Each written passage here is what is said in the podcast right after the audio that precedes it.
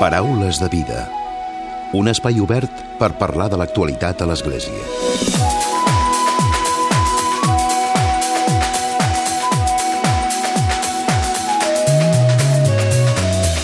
Què tal? Salutacions i molt bon dia, molt bon diumenge. La revista Qüestions de Vida Cristiana dedica el seu darrer número monogràfic a la figura de Josep Maria Rovira Belloso amb motiu dels seus 90 anys.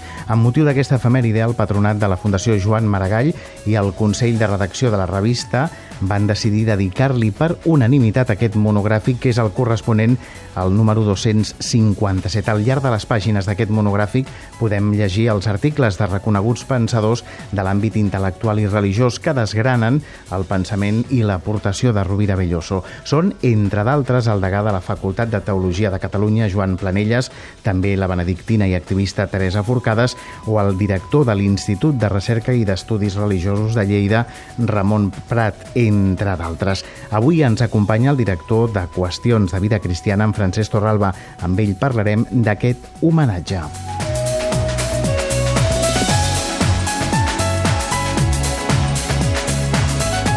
I com sempre, a la recta final del Paraules arribarà un nou comentari de l'actualitat de Francesc Romeu, que avui parla dels dos nous bisbes auxiliars de Barcelona. Comencem.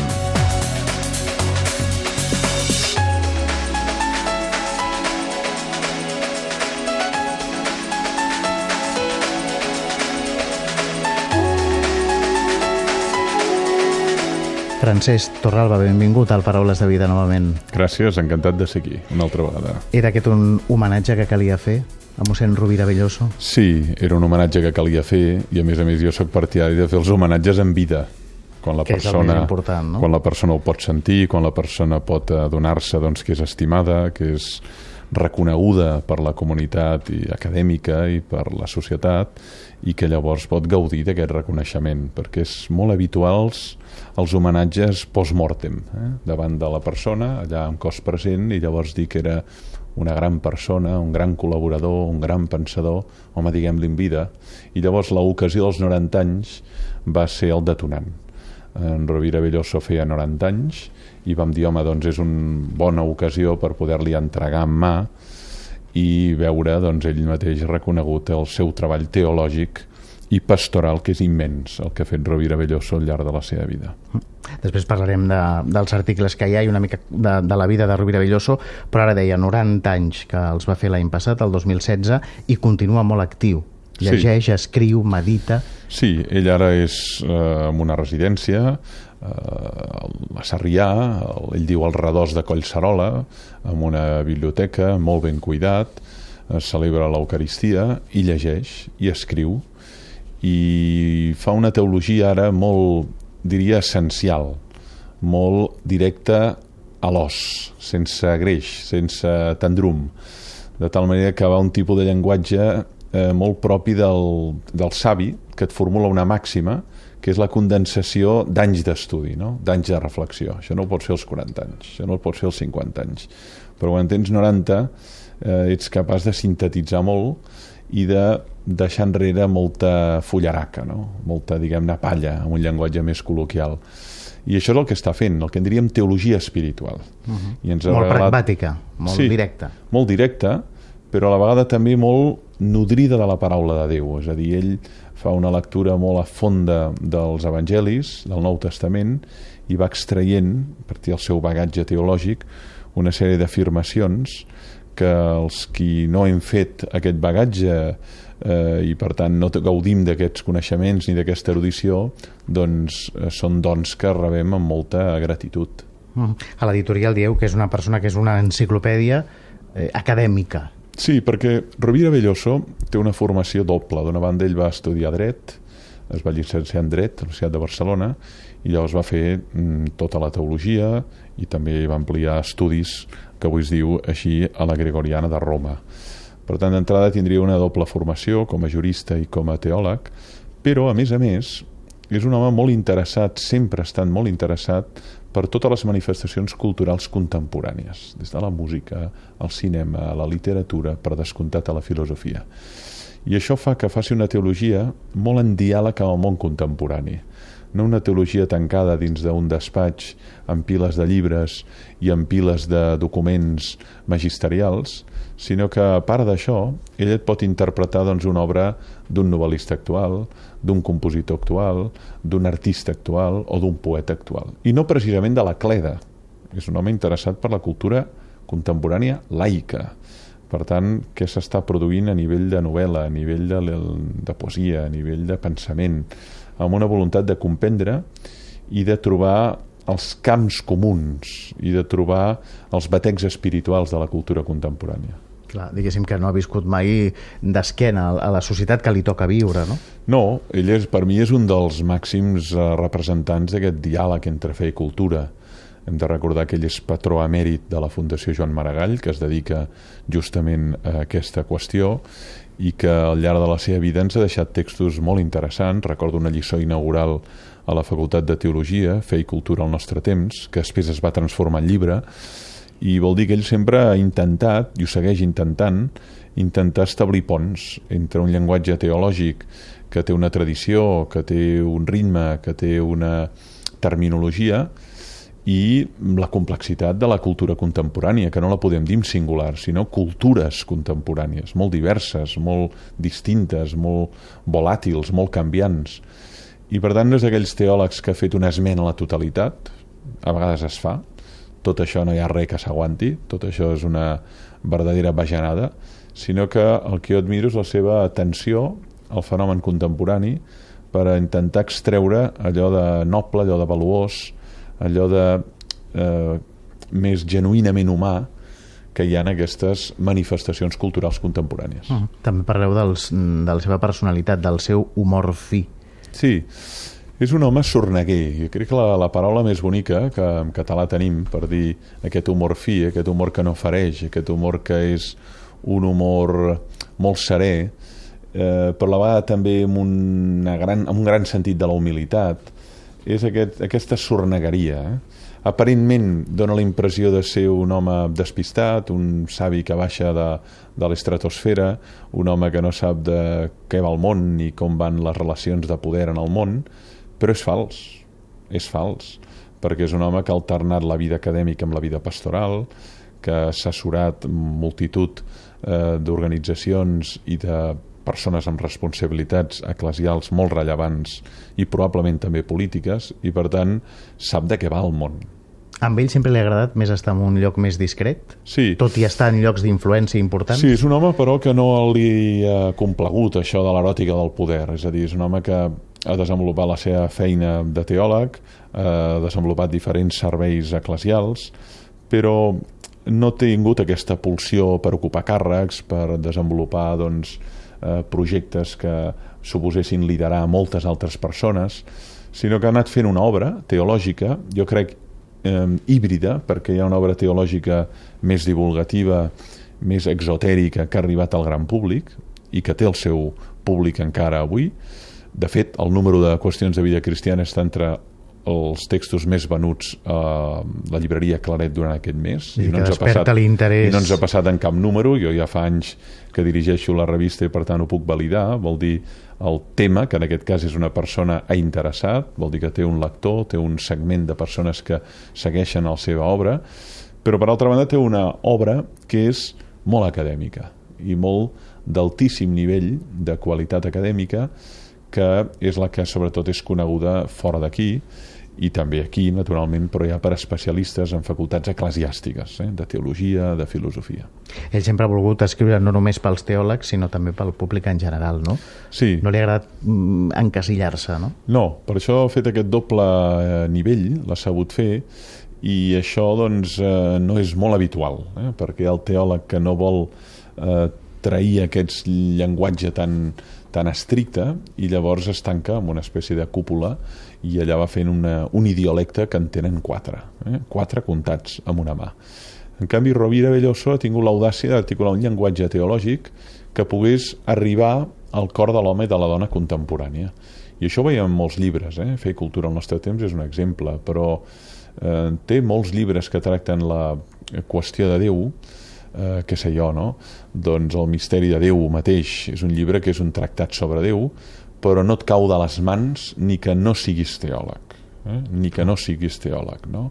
o Revelació de Déu, Salvació de l'home que és un text ja molt antic però que jo recordo haver estudiat amb fruïció no?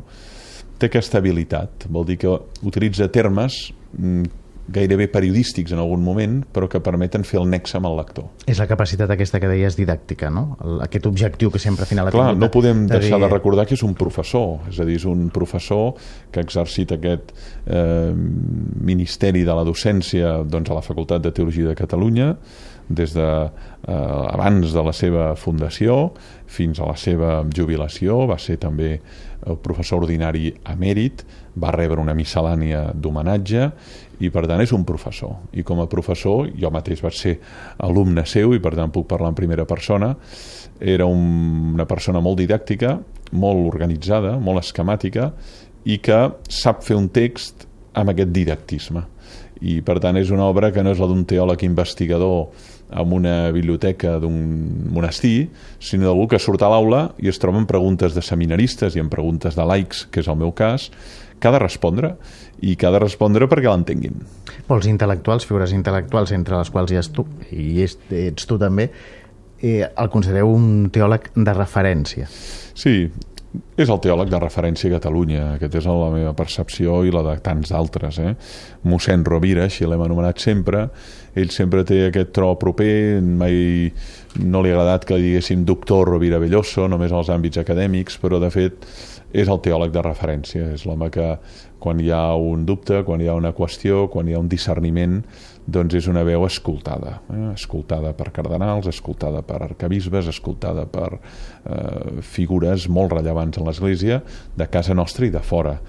Per tant, és el teòleg de referència per la seva equanimitat. És, és un home que eh, té una formació eh, sobretot aristotèlico-tomista, com corresponia al seu temps, però a la vegada també com deia, um, un gran coneixement de la modernitat filosòfica i teològica i un interès per la cultura contemporània. I això no sempre es dona. I llavors aquesta voluntat de congeniar amb la modernitat i amb la contemporaneïtat jo crec que el fan un teòleg de referència a Catalunya. I la vessant també més al costat dels més vulnerables, a banda sí. de tota la tasca ingent a nivell acadèmic i intel·lectual, sí. i aquesta part. I aquesta part també reflecteix en el text, és a dir, ell té una part de pastoral i de pastoral en àmbits eh, socialment vulnerables, que això naturalment queda reflectit en el text. El text sempre és expressió de la biografia, quan un escriu no pot deixar part la seva vida. Per tant, la seva vida ja queda reflectida directa o indirectament, a través d'un personatge o directament. I aquest contacte doncs, amb les persones més vulnerables, més fràgils, amb més dificultats socials i econòmiques de la societat, ell ha aconsellat un munt de persones, un munt de famílies, un munt de parelles, coneix la complexitat de la vida, els drames, el sofriment, els fracassos, i ha posat, diguem-ne, ha fet molt de consol de moltíssimes persones. I aquesta feina és in, molt discreta, però és molt valuosa i és el que el fa gran també, humanament. Uh -huh. Doncs també el petit homenatge des, de, des del Paraules de Vida avui a mossèn Rovira Belloso. Francesc, gràcies per haver-nos acompanyat. Doncs gràcies a vosaltres per haver-me convidat un altre cop. Paraules de Vida un espai obert per parlar de l'actualitat a l'Església. I tot seguit arriba el comentari de Francesc Romeu. Francesc, molt bon dia. Molt bon dia a tothom. Notícia d'aquesta setmana. A l'arxidiòcesi de Barcelona hi ha dos nous bisbes auxiliars. Dilluns passat el papa francès va anomenar dos capellans com a nous bisbes auxiliars de l'arxidiòcesi de Barcelona per auxiliar, és a dir, per ajudar, l'arcabisbe i cardenal electe Joan Josep Omella i l'actual bisbe auxiliar Sebastià Taltabull, que compatibilitza aquest càrrec amb el d'administrador apostòlic de la diòcesi de Mallorca. Els dos nous bisbes són el capellà barceloní Sergi Gordo, fins ara canonge de la catedral i secretari general i canceller de l'arcabisbat, i el capellà mallorquí Antoni Badell, que amb 45 anys serà el bisbe més jove de l'Estat i actualment és rector de vuit parròquies d'Inca i el seu entorn. La data més probable per l'ordenació pot ser el dissabte 9 de setembre. L'arcabisbe Omella, en la roda de premsa, es va mostrar molt content per tenir nova ajuda a l'arxidiòcesi, perquè Taltabull no pot estar al 100% centrat a Barcelona, ja que cada setmana ha de viatjar a Mallorca. És un alleujament, un goig, una ajuda enorme, imprescindible per a una diòcesi tan gran, un regal magnífic. De fet, va fer broma amb el fet que Badell sigui mallorquí, pel fet que l'illa retorni a Barcelona al favor de compartir tabull. A més, està satisfet per la joventut dels dos nous bisbes que portarà esperança, il·lusió i una millor connexió amb els joves pel seu perfil de formadors i d'evangelitzadors i per complir els requeriments del papa francès, que siguin bisbes pastors, que facin olor d'ovella, que facin comunió i que siguin oberts. Presentem un moment als dos nous bisbes. Sergi Gordo Rodríguez té 50 anys. És originari de Cornellà de Llobregat i de ben jove ja va entrar al seminari menor. Ordenat de capellà a la Basílica de Santa Maria de Vilafranca del Penedès, és llicenciat en Filosofia i Ciències Eclesiàstiques i com a bon expert en filosofia ha estat professor d'Història de la Filosofia Antiga i de Fenomenologia de la Religió. També ha estat formador i tutor al seminari, conciliari del Moviment de Professionals Catòlics de Barcelona, membre del patronat de la Fundació de la Sagrada Família i actualment és canceller de la Cúria Arxidiocesana, secretari general de l'Arcabisbat i canonge de la Catedral. Sergi Gordo es va mostrar molt il·lusionat pel nomenament, tot i que admet que ara canviarà força el seu dia a dia. Antoni Badell Ferrer, és de Llucmajor, Mallorca, té 45 anys i actualment era el rector de la unitat pastoral de la Mare de Déu, que inclou vuit parròquies d'Inca i el seu entorn. També ha estat rector del Seminari Menor de Mallorca, delegat diocesà de Pastoral Vocacional i de Catequesi i de Litúrgia, llicenciat en catequètica i professor en diversos centres. Badell també es va mostrar molt il·lusionat, però alhora expectant pel gran canvi que suposa passar de Mallorca a Barcelona, però admès el dolor de deixar enrere la gent amb qui ha coincidit a l'illa. Moltes coses que he fet no pensava que fossin per mi, però aquesta missió val la pena, ha reconegut. M'encanta ser capellà, ara ho seré d'una altra manera. Recordem que el Vaticà va anomenar el setembre passat el bisbe auxiliar de Barcelona, el, el menorquí Sebastià Taltabull, com a administrador apostòlic del bisbat de Mallorca, en substitució del valencià Xavier Salinas, exbisbe de Tortosa i administrador de Lleida, després de ser nomenat bisbe auxiliar de València per ajudar el cardenal Antonio Cañizares, arran d'unes suposades denúncies contra ell. De moment, pel que es veu, Taltabull compaginarà les dues feines i anirà a cavall de Barcelona i Mallorca, atès que Taltabull té ara les mateixes atribucions com si fos bisbe de Mallorca. Taltabull va néixer a Ciutadella, Menorca, i té 69 anys, i és un gran expert en qüestions pastorals i socials. Taltabull, que també va estar present en la roda de premsa, es va alegrar del nomenament de Badell perquè els vincles entre Barcelona i les Illes Balears encara s'enforteixin més. És un en un comunicat del Bisbat de Mallorca va manifestar la seva immensa alegria i agraïment pel nomenament de Badell com a bisbe auxiliar. Molts han pensat, però, que això es tracta d'un clar intercanvi de fitxes entre aquests dos bisbats de parla catalana per justificar ben aviat el nomenament de Sebastià Taltabull com a nou bisbe titular de Mallorca, mentre que d'altres esperaven que això s'acompliria el mateix dia en el qual es nomenarien els nous auxiliars de Barcelona. Ara, doncs, caldrà esperar. Molt bon diumenge a tothom!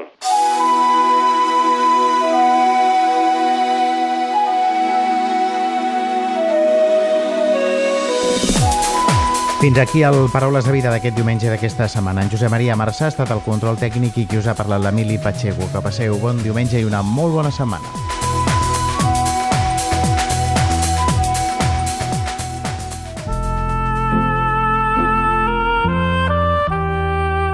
Us oferim la carta dominical de l'arcabisbe de Barcelona, Joan Josep Omella.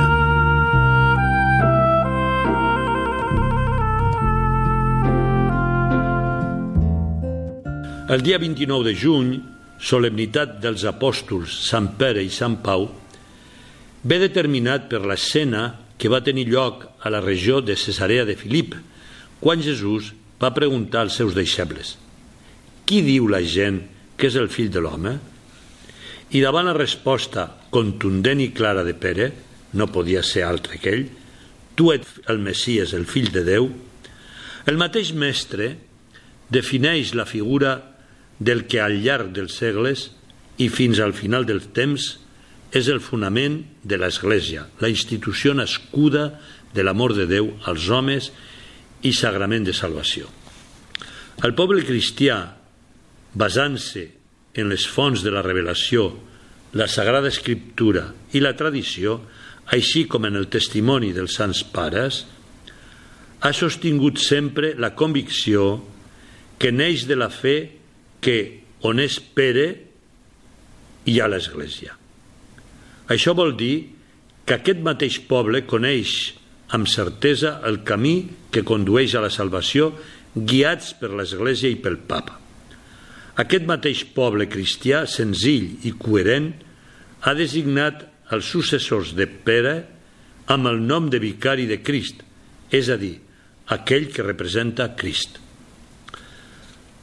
El Papa, des de Sant Pere fins a l'actual Francesc, és la ferma seguretat de que gaudeix l'Església davant les tempestats de tota mena que ha patit i que patirà fins a la fi del món. El Papa, principi i fonament perpetu i visible d'unitat que acompanya i orienta l'Església amb la inspiració de l'Esperit Sant, és la millor garantia que aquesta divina creació, que és l'Església, sempre sortirà victoriosa per més que les forces de l'infern, del mal, del món, aguaitin contra ella. Les paraules de Jesús, pastura els meus anyells, pastura les meves ovelles, ens diuen ben a les clares que la missió de Pere, del papa, és guardar tot el ramat del Senyor sense excepció i buscar també les altres ovelles esgarriades, ja que l'amor de Déu s'ofereix a tots i no a una minoria. Què s'espera de nosaltres en un dia tan assenyalat com és el dia del papa? Pregària, amor i respecte. Visquem aquesta consigna encunyada en l'Església des de l'antigó. Cum Petro e sub Petro, què vol dir? Units a Pere i obeint Pere ja que representa Crist. Sí, en ell veiem Crist mateix. D'aquí que tots els papes, els 266 que fins avui ho han estat, ens mereixen la consideració pròpia d'un fill de Déu que estima l'Església. No ens serveixen, per tant, aquests matisos tan humans i tan pocs coherents que aquest papa sí o aquest papa no. Sempre el papa és el dolç Crist a la terra, com s'hi referia Santa Caterina de Siena, una dona doctora de l'Església i que va viure uns moments realment dramàtics i a la vegada apassionants dintre de l'Església. Si el papa, en paraules d'aquesta santa, és Crist, és el dolç Crist a la terra, estimarem el papa, pregarem per ell, el seguirem sigui el que sigui. Mai oposarem un papa a un altre. Felicitem al papa Francesc en aquesta festa tan important. Cristians tots, us convido a seguir el papa per la ràdio i per la televisió, però sobretot a escoltar-lo, a llegir-lo.